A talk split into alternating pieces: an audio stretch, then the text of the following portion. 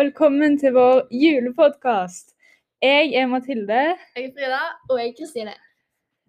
Jul er jo en veldig koselig høytid, fordi da er det kaldt ute. eh, Og da er det ekstra deilig å sitte inne og se på en bra serie. Ja, jeg elsker jul. Det er skamkos. Ja. Eh, og jeg kom fram til at min favoritt må være Hjem til jul. Ja. ja. Hjem til jul er jo en serie som eh, handler om 30 år gamle Johanne. Eh, etter å ha løyet til familien sin om at hun har fått seg kjæreste, så starter jakten på en ny kjæreste som hun kan ha med seg hjem til jul. Johanne er da singel og jobber som sykepleier. Hvordan syns dere at Johannes, Johanne fremstilles som hovedpersonen i serien? Jeg føler det yrket Johanne har fått i serien, fremstiller egentlig veldig hvordan hun er som person. Eh, fordi hun er en veldig omtenksom person som bryr seg om mennesker og setter seg selv inn i andres institusjon, som jeg føler er en veldig viktig egenskap for både i sykepleierrollen og liksom hverdagslig Ja. Eh, og i tillegg hjemme så blir hun sett på som en del av barna og kan fremstille seg ensom. Ja. Eh, selv om dette ikke er tilfellet, egentlig. Ja. Eh, og så I starten da, så får man, kan man ofte få inntrykk av at hun har dårlig selvtillit. ja. Uh, fordi at hun har nettopp blitt liksom dumpa av eksen og har ikke lyst til å prøve noe nytt og finne noe nye hun kan bli da sammen med. Uh, og så fremstilles hun også som en veldig attraktiv person. At hun ser bra ut og får mye oppmerksomhet. ja. Syns du Johanne er dynamisk? Ja, hun er jo dynamisk siden hun utvikler seg og selvtilliten utvikler seg. Og, Ja. Jeg syns sjefen til Johanne på sykehuset er veldig dynamisk. Ja. Hun spiller jo en atoganistrolle, eller en birolle, da. Eh, og hun eh, Ja. Eh, I starten er hun alltid veldig hakkete og aldri fornøyd med Johanne sin innsats eh, som sykepleier. Men etter hvert så tror jeg hun innser at den jobben Johanne gjør med å knytte bånd og liksom se pasientene på en annen måte, eh, er veldig bra. da, så etter hvert så får jo Johanne litt mer fordeler, eller sjefen ser på henne på en annen måte. ja. Eh, og Mm. en av de pasientene som eh, Johanne knytter sterkest bånd til, er eh, Trine. Eh, og hun er da en litt eldre dame som dermed har en lang livsopplevelse og kan minnes litt om Johanne. Eh, og hun kommer da med veldig mange gode tips til eh, kjærlighetslivet til Johanne, da. Mm. En annen som har veldig stor påvirkning i utviklingen til Johanne, det er samboeren Jørgen. Ja. Ja, og Jørgen, hun er, eller jeg syns hun var liksom ganske kjekk å følge med på. Hun er på en måte en litt, hun er spesiell, hun er veldig annerledes fra de andre karakterene. ja. Også, hun liksom, hun er seg selv og har sine egne klær og liksom er veldig positiv og energisk og alt sånt der. Mm. Eh, og hun er jo da en statisk karakter. Eh, tror du dette er bevisst? Eh, ja, fordi at da får de liksom vist at det, du skal ikke forandre deg selv om du er annerledes fra andre. Ja. Og hun får jo kjæreste òg til slutt, så du trenger liksom ikke forandre deg for at du skal bli sammen, kunne bli sammen Ja. med noen. da. Mm. Eh, og så har du også på en måte, altså, eh, går Johanne hun går rundt i byen, og så finner hun liksom bare pyjamaser og alt sånt der som er liksom i par. da. Eh, men så kommer Jørgen inn i leiligheten, eller hybelen eller der de bor, med da to luer, så da viser det på en måte at du ikke trenger kjæreste. på en måte. Mm. ja. Ehm, I motsetning til Trine og Jørgen så har, føler jeg foreldrene har en negativ effekt på eh, Johanne. Uh, foreldrene er jo veldig typiske foreldre, egentlig, og de legger veldig mye press på holdningene i livet til Johanne. Selv om de bare vil at hun skal være lykkelig, da. ja. Men de spør liksom aldri hvordan hun har det, eller hvordan hun føler seg. Men jeg føler de bryr seg mest om hvordan de føler seg rundt de hun omkommes med, men ikke omvendt. Og jeg tror dette kan være en grunn fordi liksom, de har en kjenselig situasjon. da, At det er fordi foreldrene får jo vite senere i serien at foreldrene er jo sjøl skilt. ja. Eh, ja. ja. Og mora er jo liksom Mor er den som er mest egoistisk, føler jeg, og har mest eh, negativ påvirkning. Ja, uh, og, jeg, eller, og det som Frida sa om det symbolet der hun bare møter alt i par, så føler jeg at det er på en måte ikke bare foreldrene som legger det store presset på henne, men bare hele samfunnet er bygd opp for at man skal være to. Det er liksom ikke akseptert å være alene, da. Nei. Eh, og så, ja eh, Siden serien handler om eh, at hun da skal få seg kjæreste, så er det jo, eh, så er jo eh, en stor del av serien alle hen, hennes dater. Ja. Og hun prøver liksom kvinner og menn og alle aldre. Eh, og en av dem er 19 år gamle Jonas.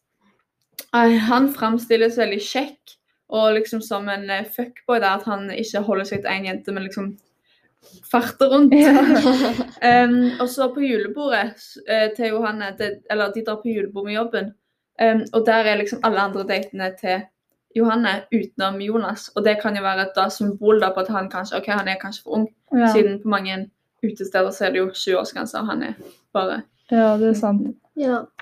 Eh, I motsetning til Jonas så er uh, Stein en av datene som Johan har fått særlig god kontakt med, som òg er på hennes alder. Uh, som vi møter parallelt gjennom hele serien. Um, og i en, hen en hendelse på en av datene til Stein og Johanne viser en symbolikk med at det, Johanne tar ting i sitt eget tempo. da. Mm.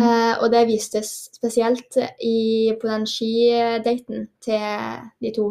Når Stein bare raser på, han bare kjører Ja. videre. Mens Johanne tar det litt saktere og liksom tar det i sitt eget tempo. da. Og samtidig blir da tatt igjen av en gammel dame, til og med. Ja. Og dette sier jo litt, da. Ja. og Stein er jo veldig Fremstilles i serien som veldig lik faren, fordi han er liksom begge er veldig sportsglade og idrettsglade.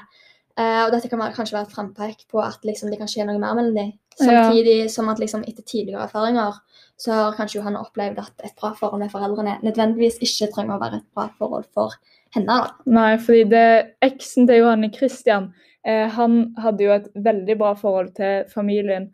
Eh, og han spilles jo av Stian Blipp, som da er en kjendis. Eh, og det er veldig mange kjendiser som spiller eh, sentrale roller i denne serien, da. Og det tror jeg er ganske bevisst, fordi eh, sånn som Stian Blipp, da eh, alle Eller jeg tror de fleste har et bilde av at han er ganske perfekt i alt han gjør. Eh, og derfor så er det med at han spiller Christian som er eksen, eh, da har vi allerede et inntrykk av at han er perfekt fra før av, fordi vi kjenner Stian Blipp som perfekt. Og derfor trenger ikke vi å danne det bildet, da.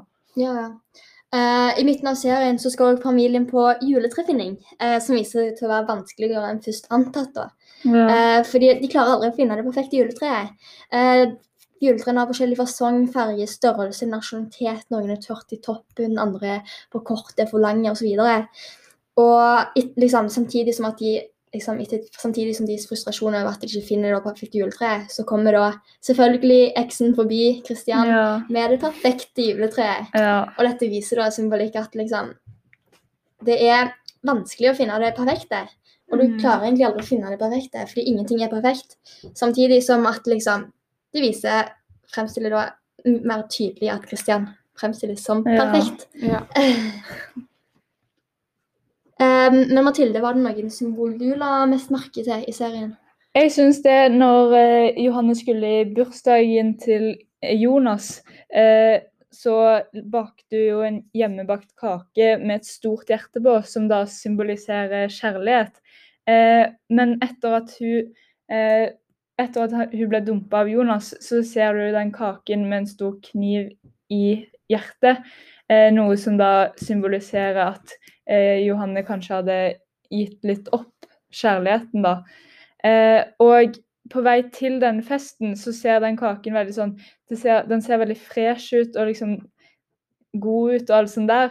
Men på vei hjem så får kamerateknikken kaken til å se veldig sånn teit og barnslig ut. Og det har med musikken òg å gjøre, fordi de liksom filmer fra fugleperspektiv ned på kaken og liksom får han til å virke veldig barnslig. Ja, og kamerateknikk er jo i mange serier og filmer en veldig viktig del for at vi skal få rett inntrykk og riktige følelser. Eh, eksempel zooming da, eh, brukes, eller la jeg ekstra godt merke til en scene eh, når jo, der Johanne liksom skal grine. Da rister leppene og hun er blaut i øynene, noe som du ikke ville sett hvis de ikke hadde zoomet inn på fjeset, men filma langt ifra. Ja. Ja. I tillegg så brukes klipping veldig mye når dramascener eh, scener skjer. Ja. Eh, som da er liksom klippingen veldig fort, for at vi skal liksom få den stemningen da, eller den følelsen over hvordan det er. I tillegg til at eh, klippingen er veldig sentralt når de skal filme ting som skjer parallelt med hverandre. Eh, og i likhet med Dolly da, så gjør det liksom når Johanne eksempel går, da, så gir det en følelse for at vi òg er med henne, Ja. og får en følelse på handlingen. da. ja. Um, men hva tenker dere er tematikken, da? Altså, temaet er jo kjærlighet, og at liksom kjærligheten den kommer når man først er klar for det. ja. Eh, og det er jo sånn som eh, hun der eh, Jørgen sier, eh, det er at når du ser på leilighet, så tar du ikke liksom det første du ser. Og det går jo på det at du, du, du kommer ikke til å liksom finne det rette med en gang. Du må liksom lete og prøve ting. Og kanskje når du liksom finner det rette, da er du klar for leilighet, og da kan du kjøpe. ja. Det er det samme med gutter. Ja, og det det Det er jo et ordtak som er sånn at man må elske seg selv før man kan elske noen andre. Eh, noe som vi da føler at Johanne gjør mer mot slutten.